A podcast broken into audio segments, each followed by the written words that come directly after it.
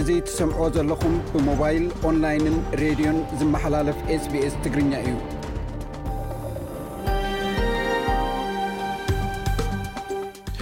ሰላም ዝኸበርኩም ሰማዕትና ሰማዕቲ ረድዮ ስፔስ ሎሚ ሓሙስ ዕስራ ሓምለ 223 እዩ ንሓደ ሰዓት ፀንሕ መደብና ምሳና ክትከታተሉ ዝዕድመኩም ኣዳላውን ኣቕራብን ዝ መደብ ቤነ ሰመረ ዝተፈላለዩ ሰባት ዝተፈላለየ ልማድ የማዕብሉ ስራሕ ብምስራሕ መፅሓፍ ብምንባብ ወይ ሙዚቃ ብምስማዕን ብካልእን ዝሕጎሱ ኣለዉ ኣቶ ክብሮም ከበዶም ኣብ 989 ኣብ ዝተፈላለዩ በረኻታትን ጫካታትን ኣውስትራልያ ጉዕዞ ብእግሪ ንምግባር እዩ ካብ ስዊድን ናብ መልበር ምስ መፀ ኣብዚ ተሪፉ ካብ ኣውስትራልያ ክሳብ ኔፓል ካብ ኒውዚላንድ ክሳብ ሃገራት ኣፍሪቃ ጎቦታትን ጎላጉልን ጣሻን በረኻን ኣብ ምዛር ዝበዝሐ ግዜኡ የሕልፎ እቲ ዝገብሮ ንጥፈት እንታይ ረኺብሉ ካልኦት ሰባት ከ ኣሰሩ ክስዕቡ እንታይ ክገብሩ ይኽእሉ ዝብል ኣብ ስቱድዮ መፅኡ ኣዕልልና ኣሎ ኣብ ናይ ቃል ምሕትት መደብና ከነቕርቦ ኢና ለኹና ዝሰደደልና ፀብፃብ ኣሎ ኣርእስታቶም ድማ ሚኒስተር ጉዳያት ወፃኢ ኤርትራ ኣብ ኢጣልያ መብፃሕ ይካይዳ ኣሎ ኣብ ኢትዮጵያ ክልል ጋምቤላ ጎንፂ ከም ዝተወልዐ ተገሊፁ ኣምባሳደር ቱርኪ በርክ ባራን ምስ ፕረዚደንት ግዚያዊ ምምሕዳር ክልል ትግራይ ጌታቸው ረዳት ዘትዩ ምርጫ ጲስቆጶሳት ትግራይ ቆኖና ቤተ ክርስትያን ዝጠሓሰ እዩ ክብል ጉባኤ ቤት ፅሕፈት ቤተ ክነት ኢትዮጵያ ገሊፁ ኣብ ምንባር መደብና ኣብ ምንባር ኣብ ኣውስትራልያ መደብና ደማሙ ጠቐምቲዶ ጎዳእቲ ምውናን ናይ ገዛዱምን ሓላፍነቱን ዝብል ኣርእስቲ ዝሓዘ ዩ ክኸውን ካልኦት ተሕዝቶታት እውን ቀሪብና ኣለና ምሳና ከተምስዩ ደጊመ ዕድም ናብ ዕለታዊ ዜና ካልፈኩም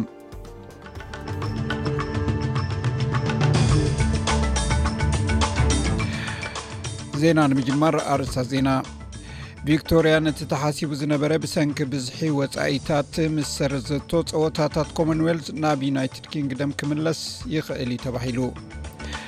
መራሕቲ ሽዱሽተ ሃገራት ወሽመጥ ዓረብን ሓሙሽተ ሃገራት ማእከላይ ኤሽያን ኣብ ጅዳ ተኣኪቦም ብዛዕባ ቁጠባውን ክልተኣውን ርከባት ይዘራረቡ ኣለዉ ኣብ ኢትዮጵያ ክልል ጋምቢላን ገለ ከባቢታት ክልል ኣምሓራን ተላዒሉ ብዘሎ ጎንፂ ኣዋጅ እቶ እቶ ተኣውጁ እዚ ሬድዮ ስፔስ ብቋንቋ ትግርኛ ዝፍኖ መደብ እዩ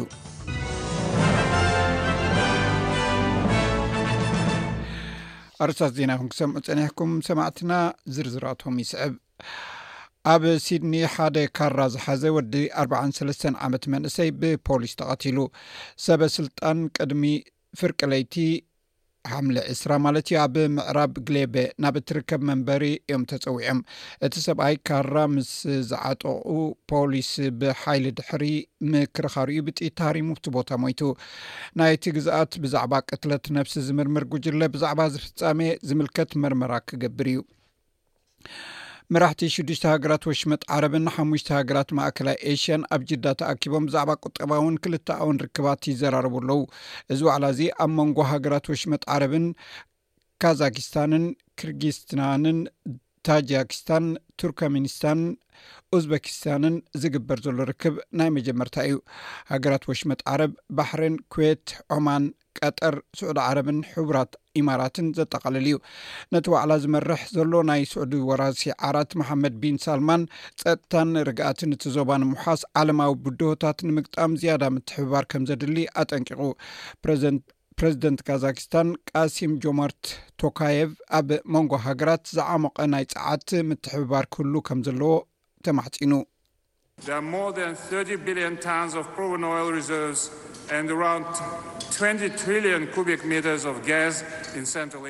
ኣብ ማእከላይ ኤስያ ልዕሊ ሰላሳ ቢልዮን ቶን ዝተረጋገጸ ዕቑር ነዳድን ከባቢ ዕስራ ትሪልዮን ኪቢክ ሜተር ጋዝን ኣሎ። እዚ ድማ ንጸጋታት ነዳድን ጋዝን ናብ ሓውሲ ደሴት ዓረብ ብምውራድ ኣብ ዓለም ኣብ ካልኣይ ደረጃ ይስራዕ። ካዛኪስታን ንጡፍ ኣባል ኦፔክ እያ እዚ ከኣ ዓለም ለኻዊ ፀጥታ ፀዓት ንምሕላው ምስቲ ውድብ ኣፀቢቓ እትተሓባበር ሃገር እያ ሓደ ዕጡቕ ኣብ ማእከል እታ ከተማ ዝርከብ ናይ ዝስራሕ ዘሎ ህንፃ ብምእታው ክልተ ሰባት ከም ዝተቐተለን ካልኦት ከም ዝቆሰለን ፖሊስ ኦክላንድ ገሊፁ ሰበስልጣን እቲ ዕጡቕ እውን ከም ዝሞተ ኣረጋጊፆም ኣለው ሓላፊት ምክትታል ገበን ሱኒ ፓተል እቲ ከቢድ ፍፃሜ ብፖሊስ ከም ተታሕዘ ገሊፃ ሓላፍ መገዲ ዳን ሪቨርስ ንሬድዮ ኒውዚላንድ ከም ዝገለፆ ናብ ስራሕ እናኸደ ከሎ ድምፂ ተኽሲ ሰሚዑ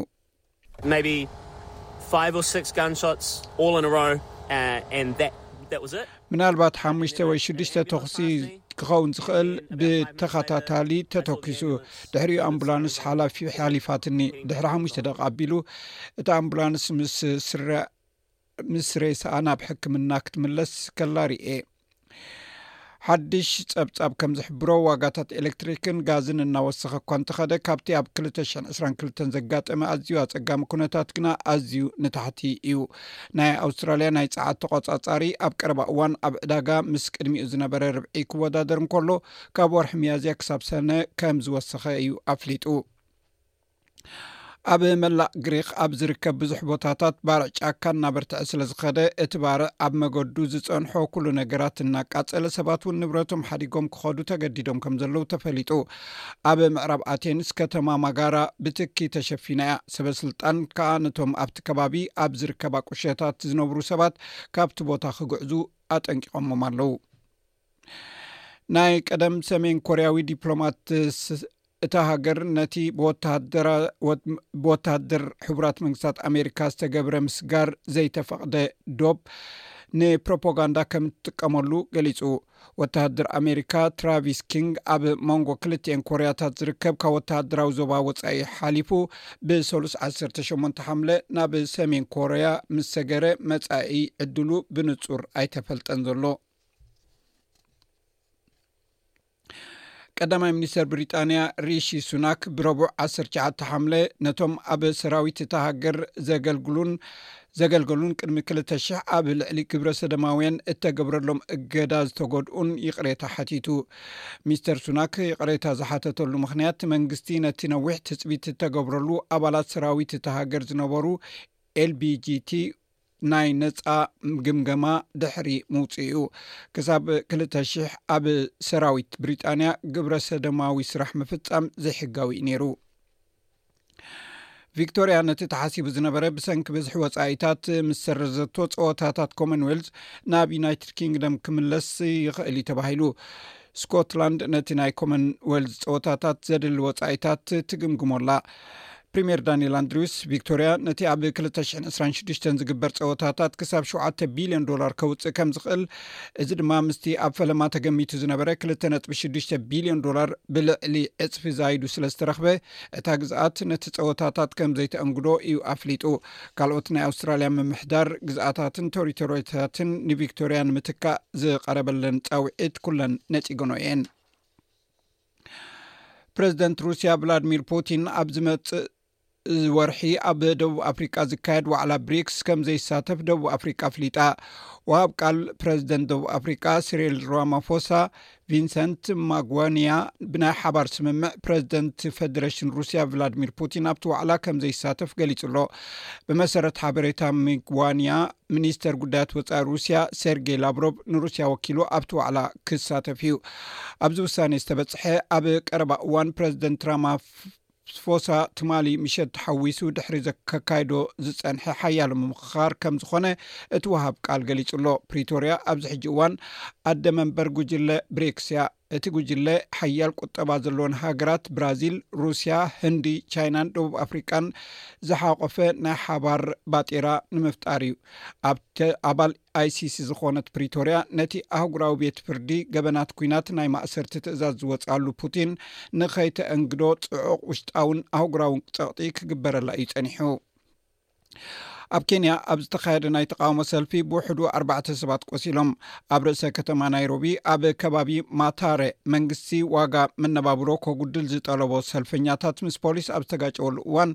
እዮም እቶም ሰባት ቆሲሎም ፖሊስ ንሰልፈኛታት ናይሮቢ ንምብታን ዘንብዕ ጋዝን ማይን ተኪሱ ኣብ ዝተፈላለዩ ከባቢታት ኬንያ ኪሱሙ ሚጎሪን ኪሲሊን እውን ሰልፍታት ተኻይዱ ፕረዚደንት ሃገር ንዋጋ መነባብሮ መፍትሒ ከናዲ ንምግዳድ ንሰለስተ መዓልትታት ዝፀንሕ ብደረጃ ሃገር ተቃውሞ ክካየድ ተቃወምቲ ፀዊዖም ኣለው ኣብ ኢትዮጵያ ክልል ጋምቤላን ገለ ከባቢታት ክልል ኣምሓራን ተላዒሉ ብዘሎ ጎንፂ ኣዋጅ እቶ እቶ ተኣዊጁ ፀብፃብ ኣለና ኣብ ኢትዮጵያ ክልል ጋምቤላ ጎንፂ ከም ዝተወለዐ ተገሊፁ። ነቲ ጎንፂ ንምክልኻል መንግስቲ ክልል ኣዋጅ እቶ እቶ ከም ዝኣወጀ እውን ተሰሚዑ።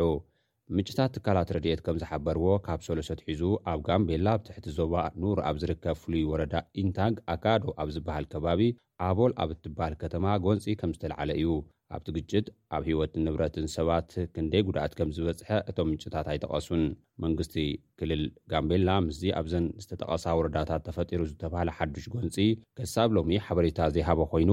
ካብ ትማሊ ምሸት ጀሚሩ ግን ኣብቲ ክልል ፀገም ፀጥታ ከም ዘሎ ብምጥቃስ ኣብ መላእ እቲ ክልል ህፁፅ ኣዋጅ ኣዊጁ ኣሎ። ብተመሳሳሊ ዜና ኣብ ዞባ ሰሜን ሸዋ ክልል ኣምሓራ ወረዳ ምንጃር ኣብ ሸንኳራ ዝበሃል ከባቢ እትርከብ ከተማ ኣራርቲ ኮሚቴ ፀጥታ ምምሕዳር ናይቲ ከባቢ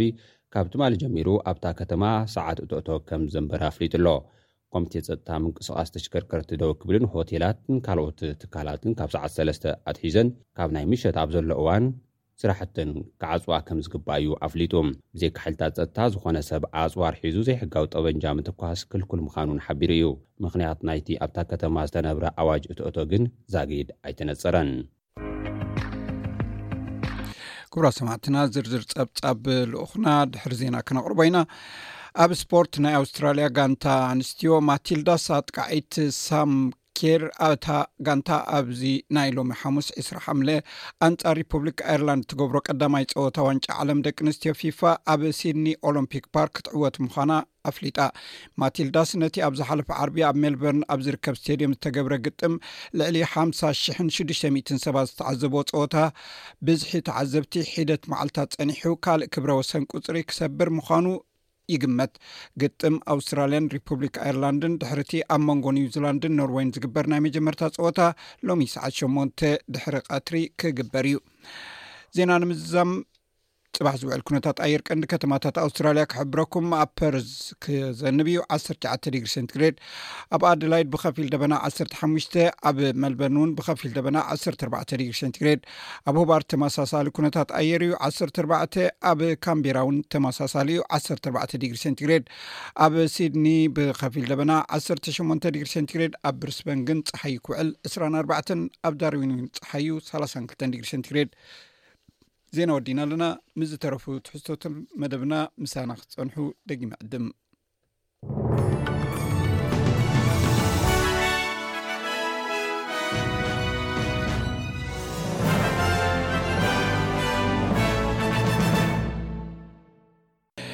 ክብራ ሰማዕትና ብፀሊም ባሕሪ ዝስደድ ዝነበረ እኽሊ ናይ ዩክሬን ደው ብምባሉ ሕፅረት ቀረብን ወሰኽ ዋጋ እኽልን ከይስዕብን መጠንቀቕታታት ቀሪቡ ኣሎ ነዚ ዝምልከት ሓደ ትሕዝቶ ምስ ኣቕረብና ልኡኹና ዝሰደደልና ፀብፃብ ድማ ንዑ ስዒቡ ክቐርብ እዩ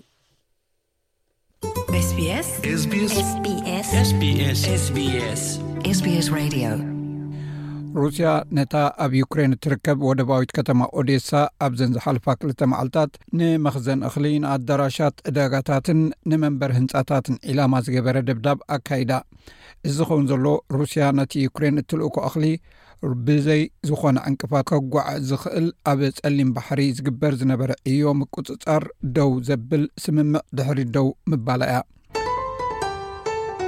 ዩክሬን ነቲ ኣብ ልዕሊ ንሰደድ ምግቢ ዝግበር መጥቃዕቲ ነተን ውሕስነት መግቢ ዘይብለን ሃገራት ዓለም ከም ምጥቃዕ ምዃኑ ገሊጻ ኣላ። ሩስያ ኣብ ዩክሬን ንዞባ ኦዴሳ ንክልተ ለይቲ ብደብዳብ ነፈርቲ ወቒዓቶ፣ እዚ ድማ ኣብ መኽዘንን ኣብ ዕዳጋታትን ኣብ መንበሪ ኣባይትን ዝርከብ ህንጻታትን ዝጎድኤ እዩ። እቲ ኣብ ዩክሬን ዝርከብ ደቡባዊ ወተሃደራዊ እዚ ከም ዘፍለጦ፣ ሩስያ ንመትረብ ወደብ ኦዴሳ ንምውቃዕ ሚሳይላት እያ ተጠቒማ። ኣብ ዩክሬን ብዘሎ ውግእ ሰለስተ ወደባት ጥራይ እዩ ዝሰርሕ ዝነይሩ ኣብ ትሕቲ ጸሊም ባሕሪ ንሰደድ እኽሊ ዝምልከት ኣብ ተገብረ ስምምዕ ዩክሬን ንሰደድ እኽሊ ብደሓን ክትልእኾ ዘኽእል እዩ ነይሩ ሩስያ ካብቲ ብሶኒ 17 ሓምለ ካብቲ ስምምዕ ዝሰሓበት ኮይና ነቲ ሰብኣዊ ሓገዝ ብጸሊም ባሕሪ ኣቢሉ ዝሓልፍ ዝነበረ ደው ክብል ተገዲዱ ኣሎ ፕረዚደንት ዩክሬን ቭላድሚር ዘለንስኪ ኣብ ቀረባ ግዜ ኣብ ልዕሊ ኦዴሳ ካብ እተተኮሰ ሚሳይል ሱሳ ሽሕ ቶን ዝኸውን ንሰደድ እተዳለወ እኽሊ ከም ዝዓነወ ሓቢሩ እዚ ኣብ ልዕሊ ዩክሬን መጥቃዕቲ ጥራይ ዘይኮነስ ኣብ ልዕሊ ኩለን እተን ካብታ ቀንዲ ኣፍራይት እኽሊ ዝጥቀማ ሃገራት እውን መጥቃዕቲ ከም ዝተፈነወ ገሊጹ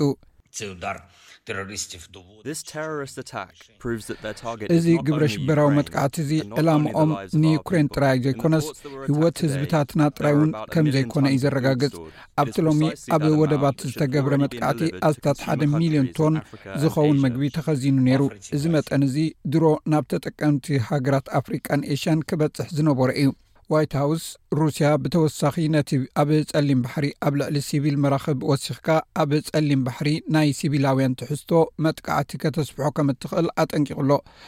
ቤት ምኽሪ ሃገራዊ ድሕነት ዋይት ሃውስ ሩስያ ኣብ ማያት ጸሊም ባሕሪ ናብ ወደባት ዩክሬን ዝጓዓዛ ኩለን መራኽብ ከም ወተሃደራዊ ጽዕነት ከም ዝቁጸራ ኣፍሊጣ እያ ኣብቲ ናብ ወደባት ዩክሬን ዝቐረበ ቦታታት ሩስያ ተወሳኺ ነተጉቲ ባሕሪ ከም ዘጻወደት ዝሕብር ሓበሬታ ከም ዘሎ እውን ሓቢሩ። ወሃቢ ቃል ስቴት ደፓርትመንት ኣሜሪካ ማት ሚለር እዚ ምፍራሕን ኣብ ኦዴሳ እተገብረ መጥቃዕትን ንሰላማውያን ሰባት ሸለል ምባልን መግቢ ድማ ከም መሳርሒ ኲናት ናይ ምጥቃም ዝምባለ ከም ዘሎ ዘርእዩ ይብል።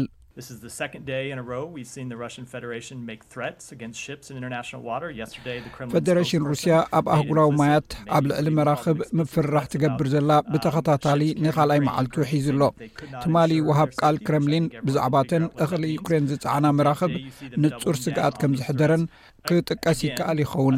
እዚ ከዓ ኩሉ ሰብ ብዛዕባ እዚ ክፈልጦ ዝኽእል ይመስለኒ ሎሚ ድማ ኣብዚ ምፍርራሕ እዚ ዕፅፊ ክገብሩ ትሪኦም ኣለኻ እንደገና ኣብ ልዕሊ ኦዴሳ መጥቃዕቲ ድሕሪ ምፍናው ብተኸታታሊ ንካልኣይ መዓልቲ እዩ እዚ እውን ናይ ዩክሬን እኽሊ ንምልኣኽ ዓብ ወደብ እዩ ስለዚ ሩስያ ንመግቢ ኣፅዋር ውግእ ትጥቀመሉ ከም ዘላ ንህዝቢ ዩክሬን ጥራይ ዘይኮነስ ንኩሎም እቶም ኣብ ዓለም ዘለዉ ብፍላይ ከኣ ተን ኣብ ዘይማዕበላ ሃገራት ዘለዉ ከም እተጥቅዕ ንኩሉ ኣብ ዓለም ዘሎ ሰብ ንጹር ክኸውን ዘለዎ ይመስለኒ ሩስያ ነቲ ተበግሶ ስምምዕ ጸሊም ባሕሪ ንምድስካል ዝገበረቶ ምንቅስቓስ ኣብተን ኣብ ምምዕባል ዝርከባ ሃገራት ዋሕዲ እኽልን ምውሳኽ ዋጋታትን ከም ዘስዕብ ኣተሓሳሲቡ ኣሎ እቲ ብውድብ ሕቡራት ሃገራት ዝተገብረ ስምምዕ ኣብ ፈለማ ን2ስራን መዓልታት ዝጸንሕ ኮይኑ ብዙሕ ግዜ እዩ ተናዊሑ።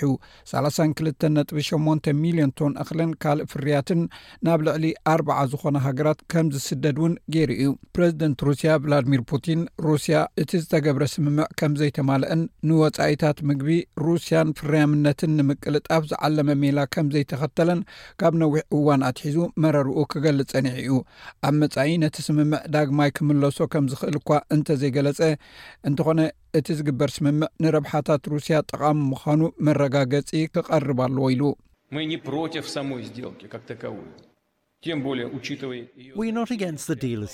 ንሕና ከምቲ ዝበሃል ዘሎ ኣንጻር እቲ ስምምዕ ኣይኮናን፣ ብፍላይ ከኣ ነቲ ኣብ ዕዳጋ መግቢ ዓለም ኣብ ብዙሓት ሃገራት ዓለም ዘለዎ ኣገዳስነት ኣብ ግምት ነእትዎ ኢና። ሓቂዩ ናብኡ ክንምለስ ንኽእል እኳ እንተኾንና ኣብ ትሕቲ ሓደ ኩነታት ጥራይ ኢና ክንምለስ ንኽእል ኩሉ እቲ ሩስያ ኣብዚ ርክብ ከም እተሳተፈት ዝሕብር ኣቐዲሙ እተሰማምዓሉ ስርዓታትን እንተተፈጺሙ ከኣ ነቲ ስምምዕ ዳግመ ግምት ክንገብረሉ ዘይንኽእል ኣይኮነን ዋና ጸሓፊ ውድብ ሕቡራት ሃገራት ኣንቶኒዮ ጉተረዝ እቲ ውድብ ሕቡራት ሃገራትን ምዕራባውያን ደገፍቱን ነቲ ስምምዕ ብዝግባእ ኣይሓዝዎን ዝብል ክሲ ሓቂ ኣይኮነን ኢሉ እዚ ከምዚ ኢሉ እንከሎ ሓላፊት ናይ ሕቡራት መንግስታት ኣሜሪካ ትካል ዓለም ለኻዊ ምዕባለ ሳማንታ ፓወር ንዩክሬን ሓድሽ ሓገዝ ንምሃብ ሓደ ሚልዮን ዶላር ወይ 750 ሚልዮን ዶላር ኣሜሪካ ከም ዝውሃብ ኣፍሊጣ ኣላ ሚስ ፓወር ክልተ ሚእትን ሓምሳን ሚልዮን ዶላር ካብዚ ምወላ እዚ ናብ ዘመናዊ ጽላት ሕርሻ ዩክሬን ከም ዝኸይድ ትገልጽ። ሓድሽ ናይ ሰደድ ውጥን ድማ ንቐጻሊ መጓዓዝያ መግቢ ከፍቅድ ከም ዝኽእል ገሊጻ ኣላ። ሎሚ ንኣግሪ ዩክሬን ዝኸውን ተወሳኺ ክልተ ሚእትን ሓምሳን ሚልዮን ዶላር ኣሜሪካ ከም እተመደበ ብሓጎስ ከፍልጥ እደሊ። ንዩክረናውያን ሓረስቶት ኣማራጺ ናይ ሰደድ መስመራት ንምፍጣር ድማ ክንሰርሕ ኢና። ፕረዚደንት ሕብረት ኣውሮጳ ፈጻሚ ኣካል ዝኾነ ኦርሱል ቮን ደር ለየን ሕብረት ኣውሮጳ እቲ ኣብ ጸሊም ባሕሪ ዘጋጠመ ምቁራጽ ናይ እኽሊ ቀረባት ከም ዘይጎድል ንምርግጋጽ ምስ ካልኦት ውድባት ክሰርሕ ምዃኑ ይገልጽ። ውድብ ሕቡራት ሃገራትን ቱርክን እንተ ፃዕሩ እኳ ሩስያ ነቲ ተበግሶ ውዕል ፀሊም ባሕሪ ደው ንምባል እትገብሮ ዘላ ስጉምቲ ኣዝዩ ዘተሓሳስብ እዩ እዚ ስጉምቲ ኣብ መላእ ዓለም ንዝርከቡ ብዙሓት ተኣፈፍቲ ሃገራት ውሕስነት መግቢ ከም ዘይብለን እዩ ዝገብሮም ሕብረት ኣውሮጳ ብእተካሉ መጠን ንተኣፈፍቲ ሰባት ውሕስነት መግቢ ንምውሓስ ብቐፃሊ ክሰርሕ እዩ እዚ ሬድዮ ስፔስ ብቋንቋ ትግርኛ ዝፍኖ መደብ እዩ ሰላም ጥዕና ሃበልና ከመይ ቀኒኹም ክቡራ ተኸታተልቲ ስቤስ ትግርኛ ንሰዓት ተዳለዉ ዜናታት እንሆ ፈለማ ርእስታቶም ክነቐድም ምኒስትሪ ጉዳይ ወፀኢ ኤርትራ ኣብ ጣልያን ምብፃሕ የካይዳ ኣሎ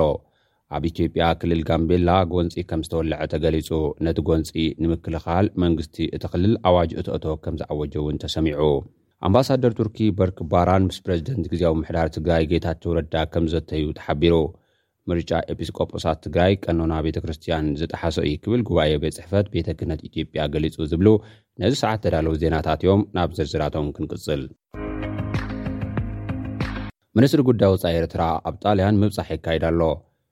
ብሚኒስትሪ ዑስማን ሳልሕ ዝምራሕ ልኡኽ ኤርትራ ምስ ሰበስልጣን እታ ሃገር ተራኺቡ ከም ዝተዘራረበ መንግስታውያን ማዕከናት ዜና ኤርትራ ገሊጸን። ክልቲኦም ኣካላት ብዛዕባ ምድንፋዕ ሰላም፣ ምርግጋእ ኣብ ቀርኒ ኣፍሪካ ዘሎ ኩነታት ከም ዝተዘራረቡ እቲ ሓበሬታ ኣመልኪቱ'ሎ። እቲ ልኡኽ ምስ ምክትል ቀዳማይ ሚኒስትርን ሚኒስትሪ ጉዳይ ወጻኢ ኣንቶንዮ ታጃንን ብምርኻብ ክልታዊ ቀዳምነት ዝተውሃቦም ዓውድታት ትምህርቲ፣ ጥዕና፣ ጸዓት፣ ሕርሻ፣ ምስናዕ ትሕተ ቅርጺ፣ ንግድን ወፍርን ተዘራሪቦም ክብል እቲ ብወገን ኤርትራ ዝወጸ ሓበሬታ ኣመልኪቱ። ምስ ሚኒስትር ላዕለዎት ትካላት ትምህርትን ምርምር ሰነት ኣና ማርያ በርኒን ብምርኻብ እውን ኣብ ትምህርትን ምርምርን ክህሉ ዝኽእል ምትሕጋዝ ከም ዝተዛረቡ ሓቢሩ ኣሎ። ልኡኽ ኤርትራ ንኣማኻሪ ፕረዚደንት የማነ ገብረኣብን ኣምባሳደር ኤርትራ ኣብ ጣልያን ፍስሃ ጽዮን ጴጥሮስን ዘጠቓለለ ምዃኑ እውን እቲ ሓበሬታ ኣመልኪቱ ኣሎ። ኣብ ኢትዮጵያ ክልል ጋምቤላ ጎንፂ ከም ዝተወልዐ ተገሊፁ። ነቲ ጎንፂ ንምክልኻል መንግስቲ ክልል ኣዋጅ እቶ እቶ ከም ዝኣወጀ እውን ተሰሚዑ። ምንጭታት ትካላት ረድኤት ከም ዝሓበርዎ ካብ ሰሉስ ኣትሒዙ ኣብ ጋምቤላ ኣብ ትሕቲ ዞባ ኑር ኣብ ዝርከብ ፍሉይ ወረዳ ኢንታንግ ኣካዶ ኣብ ዝበሃል ከባቢ ኣቦል ኣብ እትበሃል ከተማ ጎንፂ ከም ዝተልዓለ እዩ። ኣብቲ ግጭት ኣብ ህይወትን ንብረትን ሰባት ክንደይ ጉድኣት ከም ዝበፅሐ እቶም ምንጭታት ኣይጠቐሱን። መንግስቲ ክልል ጋምቤላ ምስዚ ኣብዘን ዝተጠቐሳ ወረዳታት ተፈጢሩ ዝተብሃለ ሓዱሽ ጎንፂ ከሳብ ሎሚ ሓበሬታ ዘይሃቦ ኮይኑ ካብ ትማሊ ምሸት ጀሚሩ ግን ኣብቲ ክልል ፀገም ፀጥታ ከም ዘሎ ብምጥቃስ ኣብ መላእ እቲ ክልል ህፁፅ ኣዋጅ ኣዊጁ ኣሎ። ኣብ መፋርቕ ግንቦት ኣብ ርእሰ ከተማ ጋምቤላ ኣብ ኢንታንግን ብዝተፈጠረ ግጭት ብውሕዱ ትሽዓተ ሰባት ክመቱ እንከለዉ ልዕሊ ዓሰርተ ሸውዓተ ሰባት ድማ ከም ዝቖሰሉ ዝዝከር እዩ። ነዚ ዝደገሰ ግጭት ደው ንከብል ዝተኣወጀ ኣዋጅ እቶእቶ ኣመልኪቱ መንግስቲ ክልል ጋምቤላ ትማል ምሸት ኣብ ዝሃቦ መግለጺ እቲ ካብ ትማል ምሸት ኣትሒዙ ተኣዊጁ ዘሎ ኣዋጅ እቶእቶ ንዘይተወሰነ እዋን ክጸንሕ ምዃኑ ኣፍሊጡ'ሎ። መንግስቲ ክልል ኣብ ዘውጽኦ ኣዋጅ፣ ካብ ሰዓት ሓደ ናይ ምሸት ጀሚሩ ክሳብ ሰዓት ዓሰርተ ክልተ ናይ ንግሆ ምንቅስቓስ ሰባትን ተሽከርከርትን ክልኩል ምዃኑ እዩ ኣፍሊጡ። ኣብያ ጽሕፈት መንግስትን ትካላት ንግድን ካብቲ ገደብ ወጻኢ ኣብ ዘለዉ እዋናት ንጥፈታቶም ከካይዱ ከም ዝኽእል እውን ሓቢሩ። ንኣድላይነት ኣዋጅ እቲ እቶ ኣመልኪቱ ኣብ ዝሃቦ ሓበሬታ፣ ኣብ ምፍራስ ሰላም እታ ክልል ዝተዋፈሩን ዝተሳተፉን ኣመራርሓን ካልኦት ኣባላትን ምርመራ ንምክያድን ንምሓዝን ተሓተቲ ንምግባርን ዝዓለመ ምዃኑ እውን ኣረዲኡ ኣሎ። ብተመሳሳሊ ዜና ኣብ ዞባ ሰሜን ሸዋ ክልል ኣምሓራ ወረዳ ምንጃር ኣብ ሸንኳራ ዝበሃል ከባቢ እትርከብ ከተማ ኣራርቲ ኮሚቴ ፀጥታ ምምሕዳር ናይቲ ከባቢ ካብ ትማሊ ጀሚሩ ኣብታ ከተማ ሰዓት እቶእቶ ከም ዘንበረ ኣፍሊጡ ኣሎ። ኮሚቴ ፀጥታ ምንቅስቓስ ተሽከርከርቲ ደው ክብልን ሆቴላትን ካልኦት ትካላትን ካብ ሰዓት ሰለስተ ኣትሒዘን ካብ ናይ ምሸት ኣብ ዘሎ እዋን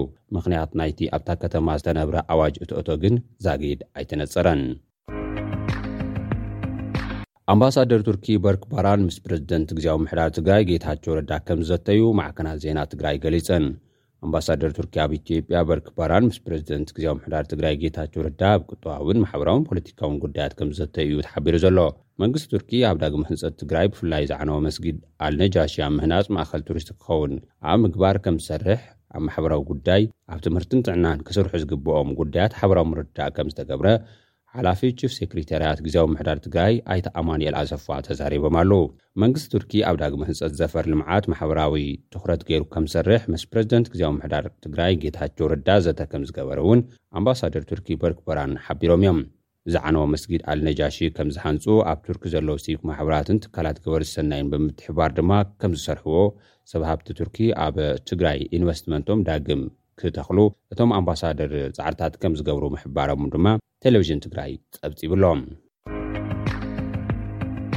ምርጫ ኤጲስቆጶሳት ትግራይ ቀኖና ቤተ ክርስቲያን ዝጠሓሰ እዩ ክብል ጉባኤ ቤት ፅሕፈት ቤተ ክህነት ኢትዮጵያ ኣፍሊጡ። ጳጳሳት ቤተ ክህነት ኣባ ሰላማ ከሳቴ ብርሃን ብወገኖም ኣብ ኣዲስ ኣበባ ምስ ዝርከብ ሲኖዶስ ናይ ቀኖና ኣፈላላይ ከም ዘሎ ብምግላፅ መንበረ ሰላማ ናብ ቦትኡ ናብ ኣኽሱም ክምለስ ከም ዝሰርሑ እዮም ክገልፁ ፀኒሖም።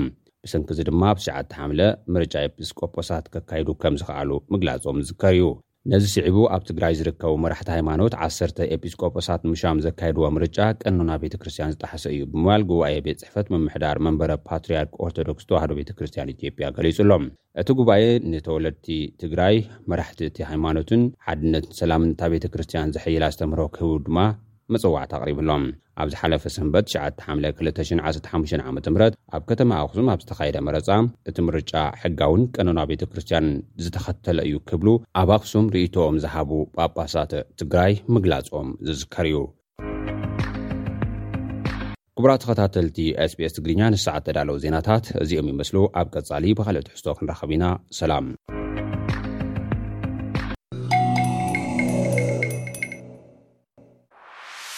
ማሕበረሰብኩም ዘተኹም ኤስቢኤስ ትግርኛ ክብራ ሰማዕትና ሰማዕቲ ሬድዮ ስፔስ ዕዱም ኣለኒ ኣቶ ክብሮም ከበዶም ይበሃል ተቐማጢ መልበርኒ ንነዊሕ ዓመታት ኣብዚ ዝነበረ እዩ ቅድሚ ሕጂ ነዊሕ ገብር የዕሊልና ነይሩ ክሳብ ማውንት ኤቨረስት ኣብ ጎቦ ኤቨረስት በፂሑ ኣብ ሓደ ደረጃ ከም ዝበፅሐን ብዛዕባኡ ብዙሕ ተዛሪብና ነርና ሎሚ ግን ድሕሪ ክንደይ ዓመታት ኮቪድ ሓሊፉ ብዙሕ ነገራት ሓሊፉ ገፅ ንገፅ ተራእና ኣለና ኣብ ስቱድዮና ብ ስቱድዮ ስቢስ እዩ ተረኪቡ ዘሎ ኣቶ ክብሮም ብዙሕ ነገር ዝነግረና ኣሉ ማለት ሂወት ዝተፈላለየ ነገር እንድዩ ገሊኡ ዘንብብ ምንባብ ዝፈቱ ኣሎ ገሊኡ ደቂሱ ምውዓል ዝፈቱ ኣሎ ገሊኡ ስራሕ ዝፈቱ ኣሎ ኣቶ ክብሮም ግን ፍልይ ዝበለ ሆቢ ዲና ክንብሎ ወይ ልምዲ ኣለዎ እቲ ዘሐጉሶ ፅቡቅ ነገር ኢሉ ዝሓስቦ ካልኦት እውን ከምኡ ተካፈልቲ ክኾኑ ምእንቲ እዩ ምሳና ክዕልል ፈቂዱ ዘሎ ሞ ይቀኒለይ ኣቶ ክብሮም ናባይ ምምፃእካ ስቲል ጎበዝ ኢካ ዘለካ ከምቲ ቀደም ዝፈልጠካ እያ የቀኒለይ ዳዓደምካኒ ኣብዚ መፅኤቲ ሓሳበይ ወይ ከዓ እቲ ናይ ህቡይ ናተይ ምስ ካልእ ሰብ ክማቐሎ ወይ ፃውዒት ጌርካ ዝዓደምካን የቐኒየለይ ራይ ወ ከምቲ ዝበልኩ ፍልይ ዝበለ ማለት ብፍላይ ኣብዝናህና ማሕበረሰብ ዝውቱር ዘይኮነ ነገር ኢካ ተዘውትር ናይ ፀዓዱ ኢልና ንሓስቦ እዩ እውን ኣብ በረኻ ከድካ ፍቐዶ ጎቦታት ምባል ኣብ ጣሻን በረኻን ከድካ ዕደት ምግባር ብፍላይ ድማ ምስ ተፈጥሮ ቀረባ ዝኾነ ዝምድና ምግባር ኣይተለምደን እስኻ ግን ከምቲ ዝገለፅኩ ኣንተ ውን ክሳብ ጎቦ ኤቨረስት ዝለዓለ ብዓለምና ጎቦ ማለት እዩ ኣብኡ በፂሕካ መፂኻ እስኪ ንድሕሪት ክመልሰካ ኣብ ኣውስትራልያ ክንደይ ዓመት ኢኻ ጌርካ እዚ በሃል እዚ ብኸመይ እዩ ጀሚርካዮ ንኣውስትራልያ ካብ ስዊድን ብሸን ሸዓተ ሚእትን ሰማንያን ሸሞንተን ጁላይ ማለት እዩ እየ መፅኤ ዋላ ኣብ ስዊድን ከለኹ እውን ብዙሕ ግዜ ይገይሽ ነረ እየ ምጋሽ ቦት እየ ናይ ባክፓክ ጌርካ ኣብ ተፈላለየ ሃገራት ናይ ኤሮጳ ዘይረኤኡ ከለኹ ክመጽእ ከለኹ ንኣውስትራልያ ወክ ክገብር ኣብ ካብ ስተት ናብ ስተት ንሽዱሽተ ወርሒ እየ ፕላን ገይረ መፅ ፕላን ብመሰረቱ መምፅኢኻ ንኸምኡ ነይሩ ማለት እዩ እወኒ ንክዛወር ንክዘውር እየ መፅ ነረ ወክ ክገብር ግን እቲ ወክ ኣይተወዲኣን ስቲል ኣብ ዘለኹ ማለት እዩ ድሕሪ ሳላሳ ገለን ዓመት ስለዚ ወክ ክትገብር ኢኻ ናብ ኣውስትራልያ መፅኻ እወኒ ዝገርም እዩ ማለት ሕራይ ኣብቲ ከባቢኻ ክትዘውር ትኽእል ኣብ ኣውሮጳ ኣብተን ከባቢ ዘለዋ ንምንታይ ኣውስትራልያ ዳርጋ እቲ ኤሮጳ በፂሐ እየ መብዛሕትኡ ዌስት ናይንቲን ኤይቲ ቱ ከማን ንዌስት ኣፍሪካ ከይደ ሰለስተ ወርሒ ገይረ ነይረ ኣብኡ ኣብ በዓል ቶጎ በኒን ኣፐርቮልታ ጋና ኣውስትራልያ ብጣዕሚ እያ ተብህገኒ ነይራ ሶ ዳትስ ዋየ ንኣውስትራልያ መሪፀ ካብኡ እቲ ፕላን ካብ ሲድኒ መልበርን ኣድለይድ ንፐርዝ ከምኡ እንዳበልኩ እየ ሓሲበ ነይረ ግን ክሳብ ሕጂ ኣብ መልበርን ስታክ ኮይነ ኣለኹ ስታክ እውን ኣይኮንካን ማለት ከምቲ ዝገለፅናዮ ናብ ኤሽያ እውን ከድካ ኢኻ ናብ ኒውዚላንድ ናብ ከባቢ ዘለዋ ሃገራት እውን ትኸይድ ኢኻ ምስለ እዎ ንኒውዚላንድ ከይድና ክልተ ግዜ እቲ ዝዓበየ ጎቦታት ናይ ኒውዚላንድ ሚልፍት ሳውንድ ትራክን ንድ ከልፓ ትራክ ዝበሃል በፂሕና ኢና ከይድና ኢና ናይ ሚልፈት ሳውንድ ንኣርባዕተ መዓልቲ እዩ ከልፓ ትራክ ከማ ንኣርባዕተ መዓልቲ ኢኻ ወክ ትገብር ባክባክ ተሓንጊጥካ ምግብኻ ሒዝካ ማይካ ሒዝካ ስሊፒ ባግ ሒዝካ ቴንዳኻ ሒዝካ ኢኻ ትኸይድ ናፓል ከዓኒ 216 ከዓኒ ክሳብ ቤዝ ካምፕ በፂሕና ዊች ላስት ታይም ነገርኩካ እዩ እሱ እውን ዳርጋ ዕስራ መዓልቲ ዝኸውን እዩ ኣብኡ ነርና እቲ ከባቢ እዎ ሕጂ ማለት ቀሊል ኣይኮነን ብትናህና ባህሊ ክዕቁኖ ከለኹ ምናልባት ብዙሕ ዝበዝሐ ዕድሜ ካብ ወፃኢ ስለ ዘሕለፍካዮ ግን ዋላ ካብ ንእስነቶም ኣብዚ ዓዲ ዓብዮም ወይ ኣብ ኣውሮጳ ዓብዮም ሰባት ከምዚ ዓይነት ባህሊ ኣየማዕብሉን እዮም ማለት ከመይ ኢሉ እዩ ከምዚ ዓይነት ስምዒት ሓዲርካ ክፈልጥ ደሊ ዋላ ቀደም ንእሽተይ ከለኹ ካብ ኣስመራ ንዓዲ ምስ ኣደይ ብዙሕ ኢና ንኸይድ ነርና ብእግሪ? እ፣ ብእግሪ ኦ። እ፣ ማለት ኣብ ዕግርግር ብእግሪ ብቕድሚኡ ግን እቶብሳት ነይረን እንዴን ኦ፣ እ፣ ካብኡ ግን ብናተይ ሆቢ ነ- ብዛዕባ ኔቸር እዩ ወክ ምግባር ናይ ብሓቂ ደስ ትብለኒ ቅድም እውን ይጎይ ነይረ ክሳብ ኣብራኽ ጠጠው ዝብል ንጎይ እጎይ ነይረ ኣብ ማይ ናይ መልበርን ዓሰርተ ሽሕ ዕስራን ሓደን ከይ ዓሰርተ ኪሎ ሜተር ናይ ራንፎ ክይድ ኣብ ኩሉ ጎይ ነይረ እየ ናይ ብሓቂ ኣክቲቭ እየ ነይረ ካብ ቀደመይ ኣብዚ ግን እቲ ፍሉይ ዝገበሮ እቲ ናይ ኣውስትራልያ ስፔሻል ናይ ኣውስትራልያ ኔቸር ብጣዕሚ እዩ ደስ ትብለካ ካልቸር ካምፒን ዋላ ደቀይ ንኣሹ ክለዉ ወስዶም ነይረ ክሳብ ዳሕራይ ምስ ጎቦዙ ሳኸይ ንኸይኒ ናዝብሉ እምበር ዋላ ብ ኤሮጳ እውን ካምፒን ስኸይድ ነይረ እየ ኣብ ስዊድን ከለኹ ሕራይ ምስጢር እዚ ናትካ ማለት ሰውነትካ ብዕድመ ዓብኻ ማለት ክግለፅ እኳ ተዘይተደልዋላ ሓንቲ ፀገም የለን ዳሓብ ኣሉ ፀገም የለን ሕጂ ሕጂ ስሳን ሓደን ገይረ ን ግን ክርእየካ ከሎ ሰብ ወዲ ርባዓን ክልተን ወዲ ርባዓን ሓሙሽተን ገላ ክግምተካ ይኽእል ኸውን ምስ ቅርፅኻ ምስ ክስታይ እሱ ዶ ኸውን እቲ ማለት ኣክቲቭ ምዃን ዕደት ምግባር ወክ ምግባር እዚታት ሓደ ፋክተር ክኸውን ይኽእል ወል ክኸውን ይኽእል ሁነውስ ግን ኣነ ኩሉ ግዜ ርኢካ ኣለካ ቨሪ ኣክቲቭ ላይፍ እዩ ዘለኒ ኣብ መዓልቲ ሚኒሞም ዓሰርተ ኪሎ ሜተር ወክ ክገብር ዊክ ኤንድ ከዓኒ ከባቢ መልበርን ንኣብነት ተደኣ ዕረፍቲ ዘየብለይ ካብ መልበርን ውፅእ ኢልካ መገዲ ዓሰርተ ዓሰርተ ሓሙሽተ ጎቦታት ድዩ ዓሰርተ ሓሙሽተ ኪሎ ሜትር ዝኾን ጎቦታት ድዩ ኣብ ቀረባ ኣሎ ካብ መልበርን ውፅእ ኢልካ ሶ ኩሉ ግዜ ኣይ ኪፕ ኣክቲቭ ሕራይ እተን ክኽየዳ ዝግበአን ክትሕብረና እንዲኻ ምክንያቱ ንሓንሳብ ኣፍልጦ እውን የድሊ እንድዩ ገሊኡ ሰብ ስለ ዘይፈልጥ ናበይ ይኽየድ እውን ከይፈልጥ ይኽእል እዩሞ ኣበየናይ ኣበየናይ እዩ እቲ ዝበለፀ ቦታታት ክኽየዶ ዝግባእ ኢልካ ትብል ኣብዚ ከባቢና ማለት እዩ ኣብ መልበን ወል ዝበለፀ ኩሉ ፅቡቅ እዩ ኣነ ክሪኦ ከለኹ ጥራይ እቲ ናትካ ኢንትረስት እዩ ዝውስኖ ምክንያቱ ኣብ ባህልና ዳርጋ ቀደም ንሕና ንኣሽቱ ከለና ፓሳጆ ዝበሃል ነይሩ ዝክርተ ኮንካ ይወስድና ነይሮም ብድሕሪኡ ግን ናይ እቲ ፖለቲካዊ ሃዋሁ ብዝተረኽበ ሰብ ዳርጋ እቲ ኖርማል ላይፍስ እንዳ እንዳ ኣተዓባብያ እንዳተቐየረ ኸይዱ ሕጂ ኣብ ስደት ምስ መፃና ከዓኒ ንበረኻ ምኻድ ቴንዳ ምሕዳር ከምዚ ነውሪ ኮይኑ ስማዕካ ኣቦ እንታይ ክገብር እየ በረኻ ከድካ ኣብዚ ገዛ ከለካ ሳብ በረኻ ከድካ ክትሓድር ብሉካና ሕጂ እሶም ኣይርድኦም እዩ ምክንያቱ ናይ ኔቸር ነገር እዩ ይሃብ ምሽ ኣለካ እቲ ከባቢካ ክትፈልጦ ኣለካ እንደገና ኣብ ኣውስትራልያ ዘሎ ካልቸር ንበይኑ እዩ ኣውስትራልያውያን መብዛሕቶም ሪኢኻ ኣለኻ ካምፒ ንኸዱ እንደገና ብ ቡሽ ዎክ ንገብሩ ብዙሕ ጉሩብ እዩ ዘሎ ቡሽ ዎክ ምግባር ኣብ ዳርጋ ከም ባህሊ ተወሲዱ እዩ ሕጂ ከማን እቲ ህዝቢ መብዛሕቱ እቲ መንእሰያት እንዳለመዶ እንዳበዝሒ እንዳበዝሒ እዩ ድኸይድ ዘሎ ዝኾነ ሕጂ ፓርክስ ቪክቶርያ ንኣብነት ናይ ብዛዕባ ናይ ቪክቶርያ እንተ ክንዘረብ ኮይንና ኣብ ዝኾነ ቦታ ወክ ክትገብር ከለኻ ይሃብቱ ሬጅስተር ጃለካ ካምፒንግ ክትከይድ ከለኻ ይሃብቱ ቡክ ኣብ ናይ ፓርክስ ቪክቶሪያ ኦንላይን ቡክ ትገብር ሕጂ ከምኡ ስለ ዝኾነ እቲ ሰብ እንዳበዝሕ እንዳበዝሕ እንዳኸደ ኣነ ናይ ብሓቂ ተሕዝነኒ ግን እዚ ኩሉ ክኸይድ ደቂ ሃገርና ርእ ኣይፈልጥን ሻለካ ኣጋኒፎምን ሳይፈልጡን እዎማ ሕጂ እንታ ሕቶይ እንታይ ሰኣና ፍልጦ ውን ክኸውን ይኽእል እንዲ ኣበየናይ እዩ ዝኽየድ ከመይ ጌርካ እዩ ዝኽየድ እስከ ሓብረና። ግርም ንሕና እንታይ መስለካ ንገብእ ነቶም መጀመርታ ዝኸዱ ንኣብነት ካብ መልበርን መገዲ ሰዓትን ፈረቓን ውጽእ ኢልካ ኣሎ ናይ ማራንዲንዲ ሻያድ በሃል ኣሎ ኣብ ግሬት ኦሽያን ክትከይድ ትኽእል ኢኻ እብ ዝቐረበ ከማን ኣብ ማሳደን ሬንጅ ክትከይድ ትኽእል ኢኻ ዎክ ትገብር ኣብኡ ፒክኒክ ክትከይድ ትኽእል ኢኻ ኣብኡ ኣሎ ጽቡቕ ኣብ ግራምፒያንስ ከዓኒ ከም በዓል ህውፅ ካብ ትበሃል ኣብኡ እውን ክትከይድ ትኽእል ኢኻ ብዙሕ ነገር ዝርአ ኣሎ እቲ ሰብ ጥራይ ኢንትረስት ክኸውን ኣለዎ እምበር ኩሉ ነገር ኣብ ኦንላይን እውን ክትረኽቦ ርኢኻ ኣብ ፓርክስ ቪክቶርያ ተደኣትኻ ክትረኽቦ ትኽእል ኢኻ ሕጂ ማለት ብዙሕ ሰብ ምክንያት ዘቕርቦ ሓሙሽተ መዓልቲ ኣብ ስራሕ ይውዕል ይደክም ደኺም ቐኒ ከዓ መብዛሕትኦም ጥሮታ ዝወጹ ኮይኑ ይስምዓኒ ከምኡ ዓይነት ዘዘውትሩ ንስኻ ብፍሉይ ኣክቲቭ ኣብ ስራሕ ከለኻ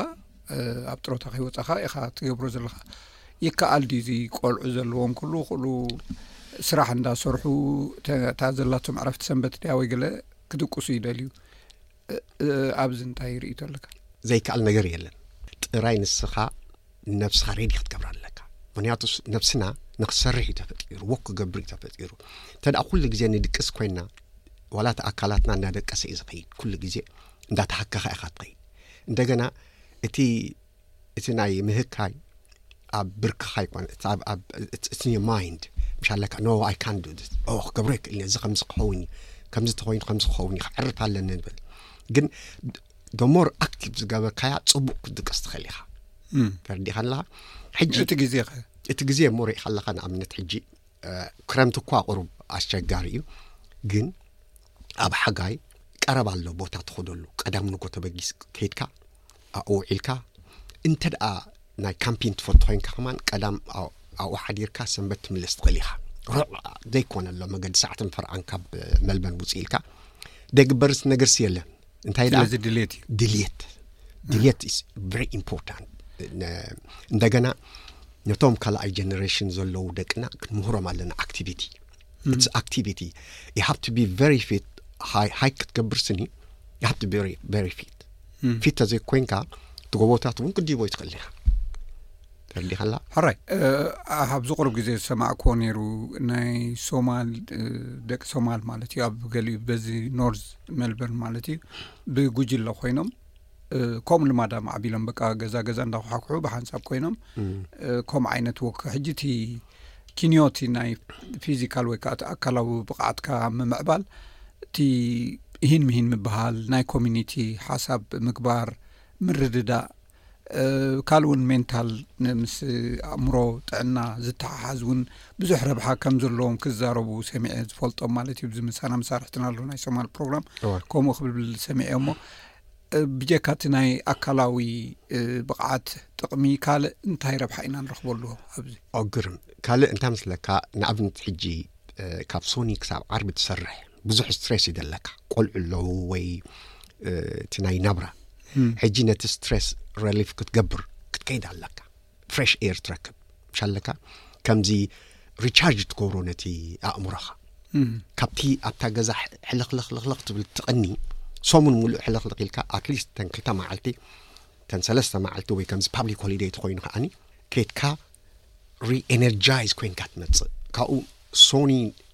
ንስራሕ ክትከይድ ከለኻ ያ ቨሪ ፍሬሽ ኢኻ ትኸውን ሰብ ግን በረኻ ከይዱ ድደክም ኮይኑ ዝሰምዖ ዝመስሎ ኣይትደክምን ኢኻ ዋላ ወክ ክትገብር ተዘድለኻ እውን ኪድ ከይድካ ቴንዳ ዘርጊሕካ ኣብኡ ተሓድር ኣይፈርሕን ሰብ ኣብ በረኻ ክንሓስብ ከለና ከሉ ግዜ ተመን ዕንቅርቢት ገልመለ ከይነክሰና ዝብል ፍርሒ እውን ኣሎ እወኒ ሕጂ ንኣብነት ዕንቅርቢት ዳርጋ የለዋን ክትብል ትኽእል ኢኻ ርሑቓት እየን ኣብ ብፍላይ ኣብ ቪክቶርያ ኣትማን ከዓኒ ኣለዉ ግን ኣብቲ ካምፒን ሳይድ ሓዊ ምስ ኣጎድካ ወይ ድምፂ ዘለዎ ቦታ ብዙሕ ኣይፈትዉን እዮም ርሒቆም ካባኻ ርሒቆም እዮም ዝኸዱ ሕጂ ፅቡቅ ዘለዎ ናይ ኣውስትራልያ ኣራዊት የለውን ብፍላይ ኣብ መልበን ኣብ ከባቢ መልበን ኣራዊት ዝበሃል የለውን ዋላ ሓንቲ ፍርሓካ የብልካን ሓንቲ ትሪኣ ካንጋሩ ወይ ኳላ ተዘይኮይኑ ዋላ ሓንቲ ካልእ ዘፍርሕ የብልካ ተናኻሲ እንስሳስ የለን እዚ እትሰምዕዎ ዘለኹም መደብ ብቋንቋ ትግርኛ ዝፍኖ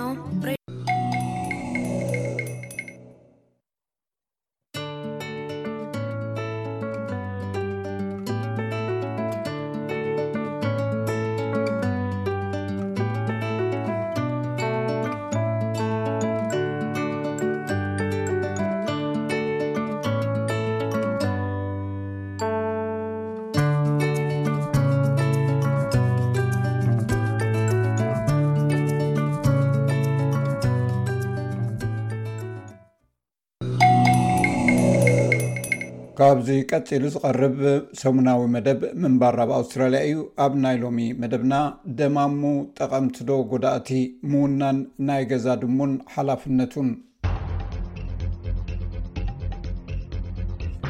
ደማሙ ከም ደቂ ውሽጢ ገዛ ኣብ ጥዕና ደቂ ሰብ ዝተፈላለዩ ጥቕምታት ይህቡ እዮም እንተኾነ ኣብ ግዳም ዝርከቡ ፋሉላት ደማሙ ኣብ ልዕሊ መበቆላውያን እንስሳ ዘገዳም ኣዝዩ ጎዳኢ ዝኾነ ሃደንቲ እዮም እቲ ናይ ደማሙ ናይ ምዛር ባህሪ ድማ ንሓደጋ ሕማምን መጉዳእትን የቃልዖም ንኣብነት ብሓደጋ መጓዓዝያን ኣብ ንሕድሕዶም ብምበኣስን ሓደጋ የጋጥሞም ስለዚ ኣብ ኣውስትራልያ ናይ ውሽጢ ገዛ ድሙ በዓል ዋና ንምዃን እንታይ ከም ዘድሊ ስከ ንርአ ድሕነት ናይ እንስሳን ናይ ኣውስትራልያ ፍሉይ ዝኾነ መበቆላዊ እንስሳ ዘገዳምን ምዕቃብ ንምርግጋፅ ኣዝዩ ኣገዳሲ ዝኾነሉ ምኽንያት ኣብዚ ክንፀር እዩ ድሙ ኣብ ምሉእ ዓለም ኣብ ዝርከብ ባህልታት ኣብ ፅውፅዋያት ግብፂ ዝውቱራት ኣብ ከም ናይ ኣሜሪካ ኣሜሪካን ሌዚ ካርቱን ካት ጋሪፊልድ ዝኣመሰሉ ገፀ ባህርያት ብመልክዕ ስእሊ ይግለፁ ክሳብ እቲ ናይ ጃፓን ክስተት ሄሎ ኪቲ ዝንፀባርቑ ድንቂ እንስሳ እዮም። ብዘይካቲ ኣብ ኣንታርክቲካ ኣብ ኣውስትራልያ እቲ ኣብ ዓለም መበቆላዊ ዘርኢ ድሙ ዘይብላ እንኮ ኣህጉር እያ። እንተኾነ ሓደ ሲሶ ካብ ኣብ ኣውስትራልያ ዝርከቡ ናይ ውሽጢ ገዛ እንስሳ ድሙ እዩ። ልዕሊ ሓሙሽተ ነጥቢ ሰለስተ ሚልዮን ዝኾኑ ደማሙ ድማ ኣለዉ። ይኹን እምበር ደማሙ ብተፈጥሮም ሃደንቲ ስለ ዝኾኑ እቶም ኣብ ግዳም ዝርከቡ ደማሙ ንከም ኣዕዋፍን ንጠበቓትን ንዕንቁርዖብን ኣብ ንኣሽቱ ከተማታት ሕርሽታታት ዝርከቡ እንቁርዖብ ሓደጋ የስዕቡ። ተመራመርቲ ከም ዝግምትዎ ነፍሲ ወከፍ ዘዋሪ ድሙ ኣብ ዓመት ኣስታት ሚእትን ሰማንያን ሽዱሽተን እንስሳታት ይቐትል። መብዛሕትኡ ግዜ ድማ ዋናታት ናይቶም ደማሙ ነዚ ኣየስተብህልዎን እዮም። ኣብ ርእሲ እቲ ደማሙ ኣብ ህይወት ዘገዳም ኣውስትራልያ ዘሕድሮ ጽልዋ፣ ብሚልዮናት ዝቝጸሩ ፌራል ደማሙ እውን ኣብ መላእ ኣውስትራልያ ዝዞሩ ኣለዉ። ሳራ ሌጅ ኣብ ዩኒቨርሲቲ ቻርለስ ዳርዊን ፕሮፌሰር ሓለዋ ህይወት ዘገዳም ከምኡውን ኣባል ቤት ምኽሪ ብዙሕነት ህይወት እያ። ኣብ ኣውስትራልያ ንዝሓለፈ ሰላሳ ዓመታት ብዛዕባ ምዕቃብ ማይን ሓመድን ዝምልከት ጉዳያት ሰሪሓ እያ።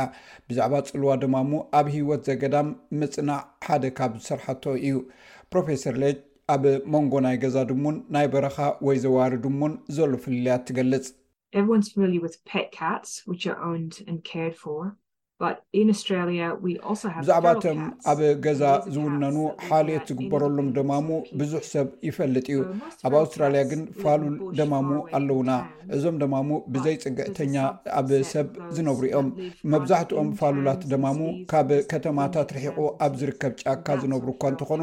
ኣብ ከተማታትን ሓውሲ ከተማታትን ወይ ኣብ ጫፍ ከተማታትን ሓውሲ ከተማታትን ጥራይ ዝነብሩ ደማሙ ኣለዉ።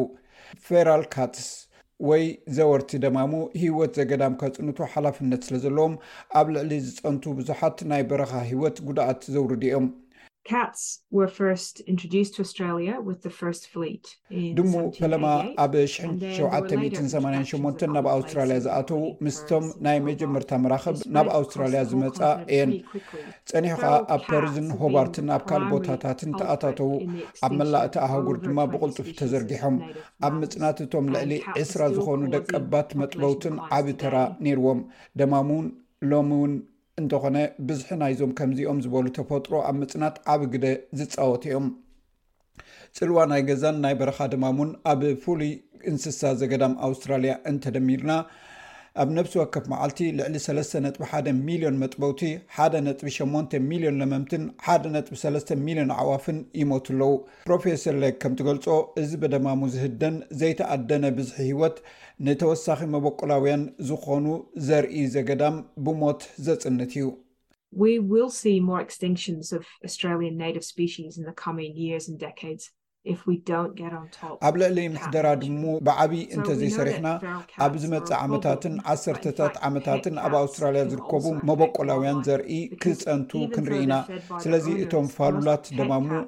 ፀገም ከም ዝኾኑ ንፈልጥ ኢና ከም ሓቂ ግና ናይ ገዛ ደማሙ እውን ኣብ ሂወታውያን ዘገዳም ፅልዋ ኣለዎም ምክንያቱ መብዛሕትኦም ናይ ገዛ ደማሙ ብዋናታቶም ዝቅለቡ እኳ እንተኾኑ ኣብ ደገ ወፂኦም ክምእረሩ ይፍቀደሎም እዩ ድሙ ብተፈጥሮኣ ሃዳኒት ስለዝኾነት ድሙ ብገምጋም ካብ ሓሙሽተ እንስሳታት ሓደ እንስሳ ቀቲላ እያ ናብ ቤት ትመፅእ ገሊኦም ደማሞ ኣብ ደገ ንዝቐተልዎ እንስሳ ናብ ገዛ ኣየምጽዎን እዮም።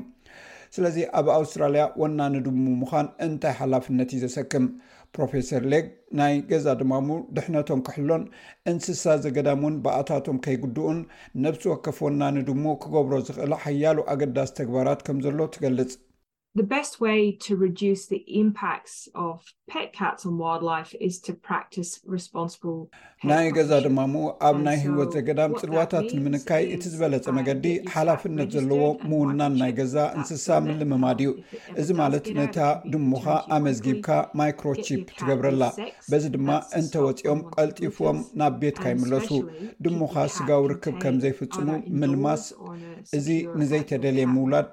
ዘወግድ እዩ። ድሙኻ ኣብ ገዛ ወይ ኣብ ውሑስ ናይ ግዳም መትሓዚ ምግባር ዘጠቓልል ስራሓት ምግባር የድሊ። ደማሙ ኣብ ቤት ጥራይ ክተሓዙ ምግባር ኣብቲ ከባቢ ዝነብሩ እንስሳ ዘገዳም ክለምዑ የኽእሎም። ሓላፍነት ዘለዎ ዋና ድሙ ምዃን ዘምጽኦ ጥቕሚ እውን ብዙሕ ምዃኑ ፕሮፌሰር ሌክ ትገልጽ። If you can do all of these things, um, እዚ ኩሉ ነገራት ክትገብር እንተኽኢልካ እንስሳ ዘገዳም ካብ ድሙኻ ከም ዝድሕን ምግባር ጥራይ ዘይኮነስ ድሙኻ ካብ ኣኽላባትን ማካይንን ሕማማትን ከምኡውን ካብ ኩሉ እቲ ዘጋጥሞም ሓደጋታት ከም ዝድሕን እውን ፍሉጥ እዩ ናይ ገዛ ድማሙ እንተልዮምኻ ወይ ክትረክብ ትሓስብ እንተሊኻ ኣዘውቲርካ ናብቲ ኣብ ከባቢኻ ዝርከብ ናይ እንስሳ ሕክምና ብምኻድ ድሙኻ ጥዑይን ሕጉስን ንክትገብራ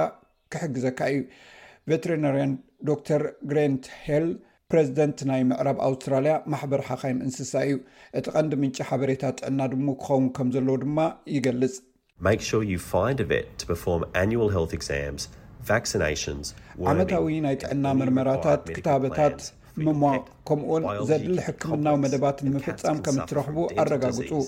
ስነ ህይወት ዝተሓላለኸ ክኸውን ይኽእል እዩ ድሞ ከዓ ብሕማማት ስኒ ፀገም ኩሊት ፀገም ልቢ ሕማም ቅርጥማት ምምዝባል ቆርበትን ካልእን ክትሳቐ ትኽእል እያ ነዚ ሕማማት እዚ ብቕልጡፍ ኣለሊኻ ክትፈትሖ እቲ ዝበለፀ መፍትሒ እዩ ነዚ ክትገብረሉ ትኽእል ዝበለፀ መገዲ ድማ ምስ ናይ ከባቢኻ ዝርከብ ቬት ርክብ ምምስራት እዩ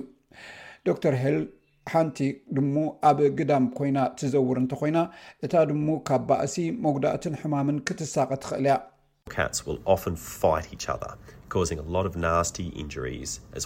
ደማሙ መብዛሕትኡ ግዜ ንሓድሕዶም ይባእሱ እዮም፣ እዚ ድማ ብዙሕ ዘሸቑርር ጉድኣት የስዕበሎም። ንከም FIV ዝኣመሰለ ሕማማትን ከም ሓደጋ መጓዓዝያ ዝኣመሰለ ነገራትን ኣመና ዝተቓልዑ ይኾኑ። ድሙን እንስሳ ዘገዳምን ጽቡቕ ውህደት ዘለዎም ኣይኰኑን፣ ደማሙ ብተፈጥሮ ቀተልቲ እዮም፣ እዚ ኸኣ ኣብ ጠባያን ተንጸባሪቑ ንርእዮ ኢና። ክሃድኑን ክጭድሩን ክነኽሱን ባህ ይብሎም። ኣብ ወጻኢ እቲ ዝነብሩሉ ከባቢ በዚ ጠባያት እዚ ብቕልጡፍ ናብ ስልጡን ቀታልን ሃዳንን ይቕየሩ። እቲ ዝምገብዎ ምግቢ ኸኣ ኣዕዋፍ፣ ጠበቕ፣ እንቁሮዖብን ካልኦት እንስሳ ዘገዳምን እዩ ዝኸውን።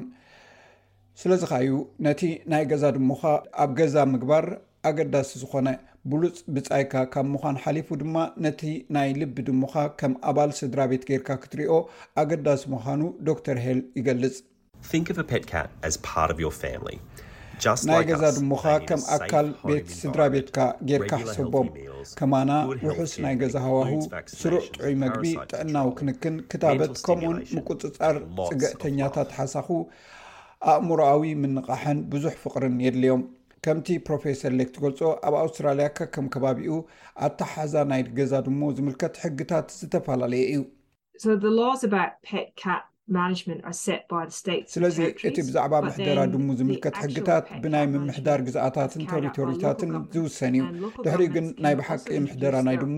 ብመንግስታት ናይ ከባቢ ይካየድ። ናይ ከባቢ መንግስታት ድማ ናይ ገዛእ ርእሰን ተወሳኺ ሕግታት ከተኣታትዋ ይኽእላ እየን። ስለዚ ኣብ ከባቢኤን ዘለዋ ኩለን ደማሙ ግብረ ስጋዊ ምልማስ ማለት ዲሴክስድ ወይ ኣብ ሓደ ሳበርብ ዝርከባ ኩለን ደማሙ ኣብ ውሽጢ ገዛ ጥራይ ክተሓዛ ከም ዘለወን ኣትሪሮም ዝሕግጉ ኣለዉ። በዚ ድማ እቲ ሕግታት ከከም ትነብረሉ ከባቢ ዝፈላለ እዩ። ፕሮፌሰር ሌክ ብዛዕባ እቲ ኣብ ከባቢኻ ዝርከብ ሕግታት ክትፈልጥ እትኽእለሉ ዝበለፀ መገዲ ናብ መርበብ ሓበሬታታት ካውንስላትካ ምውካስ ምዃኑ ትሕብር ሓላፍነት ዝስምዖ ወናኒ ድሙ ምዃን ብዙሕ ጥቕምታት ኣለዎ ድማ ትብል ስለዚ ኩላትና ሓላፍነት ብዝመልኦ ልምድታት ነቲ ናይ ዋንነት ናይ ገዛ እንስሳ ክንቅበሎ እንተኽኢልና ምስ ድሙና ፅቡቅ ግዜ ከነሕልፍ ንኽእል ኢና ደማሙ ኣዝን ተፈተውቲ ፍጥረት እየን ሓደ ሓደ እዋን ብዝበፅሑና ንኣሽ ጠበቃትን ከምኡውን ከሎም ኣብ ገደና ዝርከቡ እንስሳ ዘገዳም ከነስተማቅር እውን ክንክእል ኢና ማለት እዩ እዚ ምንባር ኣብ ኣውስትራልያ እዩ ክብራ ሰማዕትና ኣብዚ ቅሩብ እዋን ዝጀምርናዮ ለን እንግሊሽ ዊዝ ስቢስ ወይ ድማ ቋንቋ እንግሊዝኛ ብምስ ስቢስ ምምሃር ዝብል ኮይኑ ኣብ ፖድካስትታትና ነቕርቦ ኣለና ብዌብሳይትና ማለት እዩ ገለ ካብቲ ኣብዚ ሰሙን እዚ ዝቐረበ ቀንጭብና ከነስማዕኩም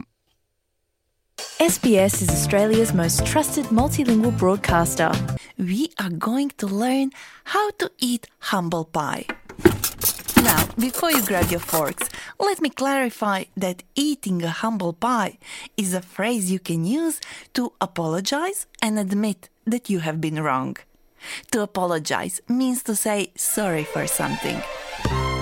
i'm sory so sorrry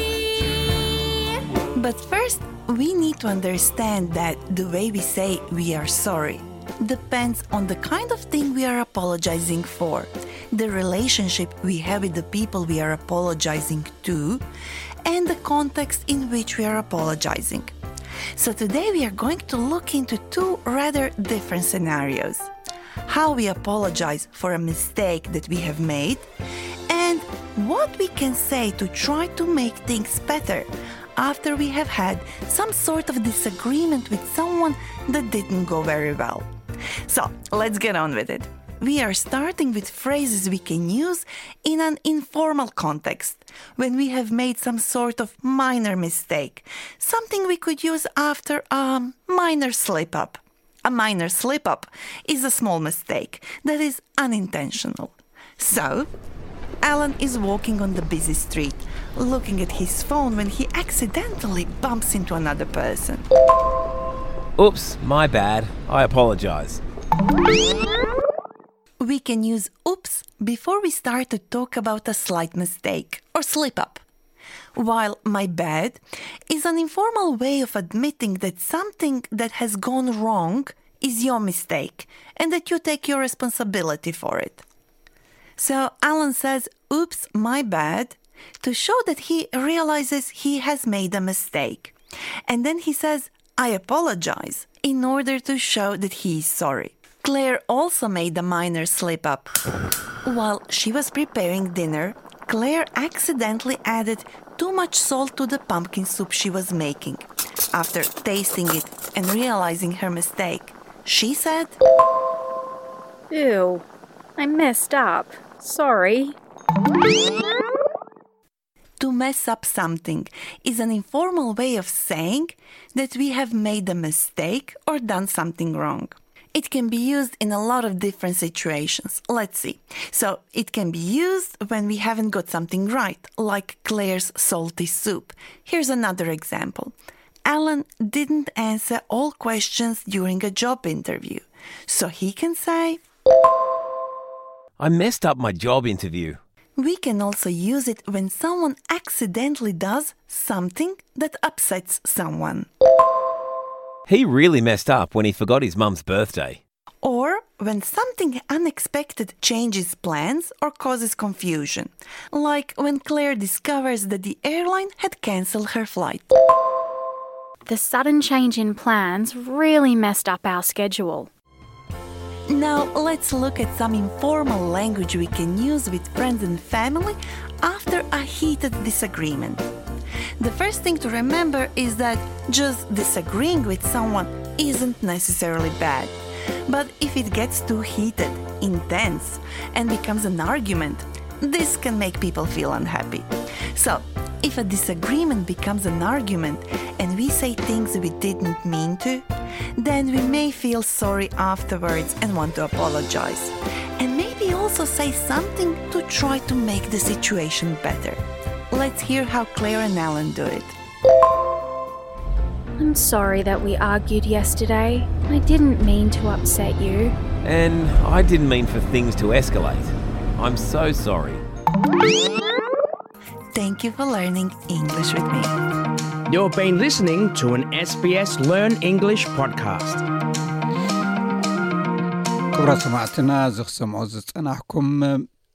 ቋንቋ እንግሊዝኛ ብምስ ስbስ ምምሃር ዝብል እዩ ብምልኡ ክትሰምዑ ንድሕር ደሊኹም ኣብ ስbስ ኮም ዩ ስላሽ ትግርኛ ኣትኹም ክፀንሐኩም እዩ ኣብኡ ክትረኽብዎ ትኽእሉ ኢኹም ሕጂ ግና ቅድሚ መደብና ምዛሙ ናይ ዝዕለት ቀንዲ ነጥብታት ዜና ክደግመልኩም ቪክቶርያ ነቲ ተሓሲቡ ዝነበረ ብሰንኪ ብዝሒ ወፃኢታት ዝሰረዘቶ ፀወታታት ኮሞን ዌልት ናብ ዩናይትድ ኪንግደም ክምለስ ይከኣል ይኽእል እዩ ተባሂሉ መራሕቲ ሽዱሽተ ሃገራት ወሽመጥ ዓረብን ሓሙሽተ ሃገራት ማእከላይ ኤሽያን ኣብ ጅዳ ተኣኪቦም ብዛዕባ ቁጠባውን ክልተኣውን ርክባት ይዝተዩ ኣለዉ ኣብ ኢትዮጵያ ክልል ጋምቤላን ገለ ከባቢታት ክልል ኣምሓራን ተላዒሉ ብዘሎ ጎንፂ ኣዋጅ እተኦቶ ተኣውጁ ባር ሰማዕትና ንሎም ዝበልናዮም ትሕዝቶታት እዞም ዝሰማዕኩሞም እዮም ኣብ ዝመፅእ ሶኒ ዝተፈላለዩ ትሕዝቶታት ሒዝና ክንምለሰኩም ኢና ክሳብ ሽዑ ሰላም ቅነ ዝምነየልኩም ምሳኹም ዘምሰኹ ኣዳላዊ ዝ መደብ ቤየነሰመረ